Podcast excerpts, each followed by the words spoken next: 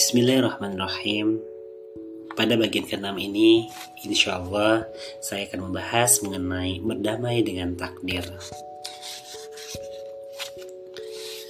Ternyata harapanmu tidak menemui kenyataannya, yang selama ini dinantikan pada akhirnya harus dileralkan. Takdir menyapunya tanpa bertahan apakah kamu mampu untuk menerimanya atau tidak. Hatimu patah, jiwamu dirundung duka. Begini, pandangan kita ini terbatas, tak mampu melihat hikmah yang tersembunyi di balik kesakitan. Dan seandainya harapan kita terpenuhi, apakah kita yakin kita akan benar-benar bahagia? Apakah kita bisa memastikan itu? Tentu tidak akan bisa. Walau kadang butuh air mata untuk menerimanya, percayalah bahwa ketentuannya adalah yang terindah kita hanya perlu sedikit bersabar lagi hingga kebahagiaan itu benar-benar menampakkan diri. Kalaupun tidak demikian, adakah yang lebih indah daripada hati yang kuat menahan segala derita?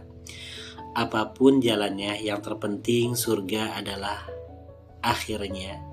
Kesakitan yang menyelamatkan jauh lebih baik daripada kesenangan yang melalaikan.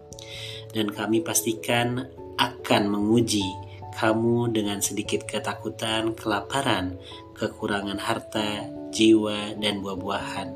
Dan sampaikanlah kabar gembira kepada orang-orang yang sabar, yaitu orang-orang yang apabila ditimpa musibah, mereka berkata, Innalillahi wa innalillahi raji'un.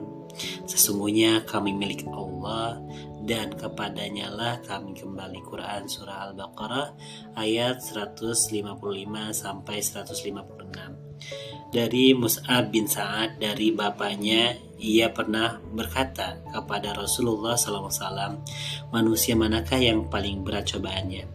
Rasulullah SAW menjawab para nabi lalu para nabi lalu orang soleh dan orang yang semisal itu dan semisal itu berikutnya.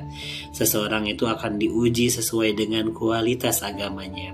Jika imannya semakin kuat maka cobaannya akan semakin bertambah. Jika imannya lemah, maka cobaannya tidaklah berat. Kalau seorang hamba terus mendapatkan musibah, nantinya ia akan berjalan di muka bumi dalam keadaan tanpa dosa. Perihal takdir, tak perlu berselisih ataupun menyalahkan takdir hingga menganggap Allah berlaku tak adil.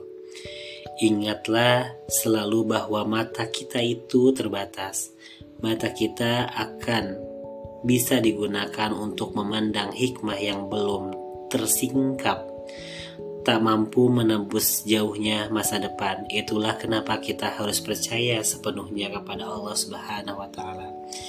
Sebab walau skenario nya tak selalu sesuai dengan keinginan kita, tapi skenario nya pasti selalu yang terbaik.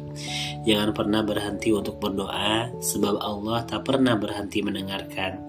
Percayalah bahwa mereka yang senantiasa menandahkan tangannya ke, ke arah langit tak akan pernah dibiarkan Allah pulang dengan tangan kosong. Jangan bersedih lagi, sudah banyak doa-doa yang kita yang kita yang Allah kabulkan, doa-doa kita yang Allah kabulkan.